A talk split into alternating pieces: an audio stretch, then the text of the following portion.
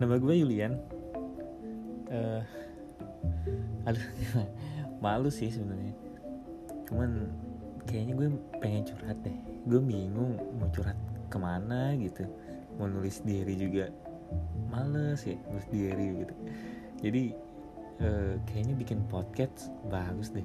Gue nggak ngarepin apa apa sih dari podcast ini cuman kayaknya gue buat ke depan pengen apa yang gue rasain hari ini kayaknya bakal gue ceritain ke lu, semua.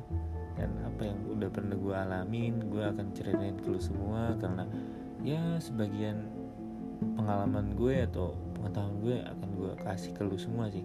Sebagai pelajaran juga buat kalian atau juga kalian juga bisa kasih masukan buat gue buat gue jadi pelajaran juga. Oke okay, itu aja. Thank you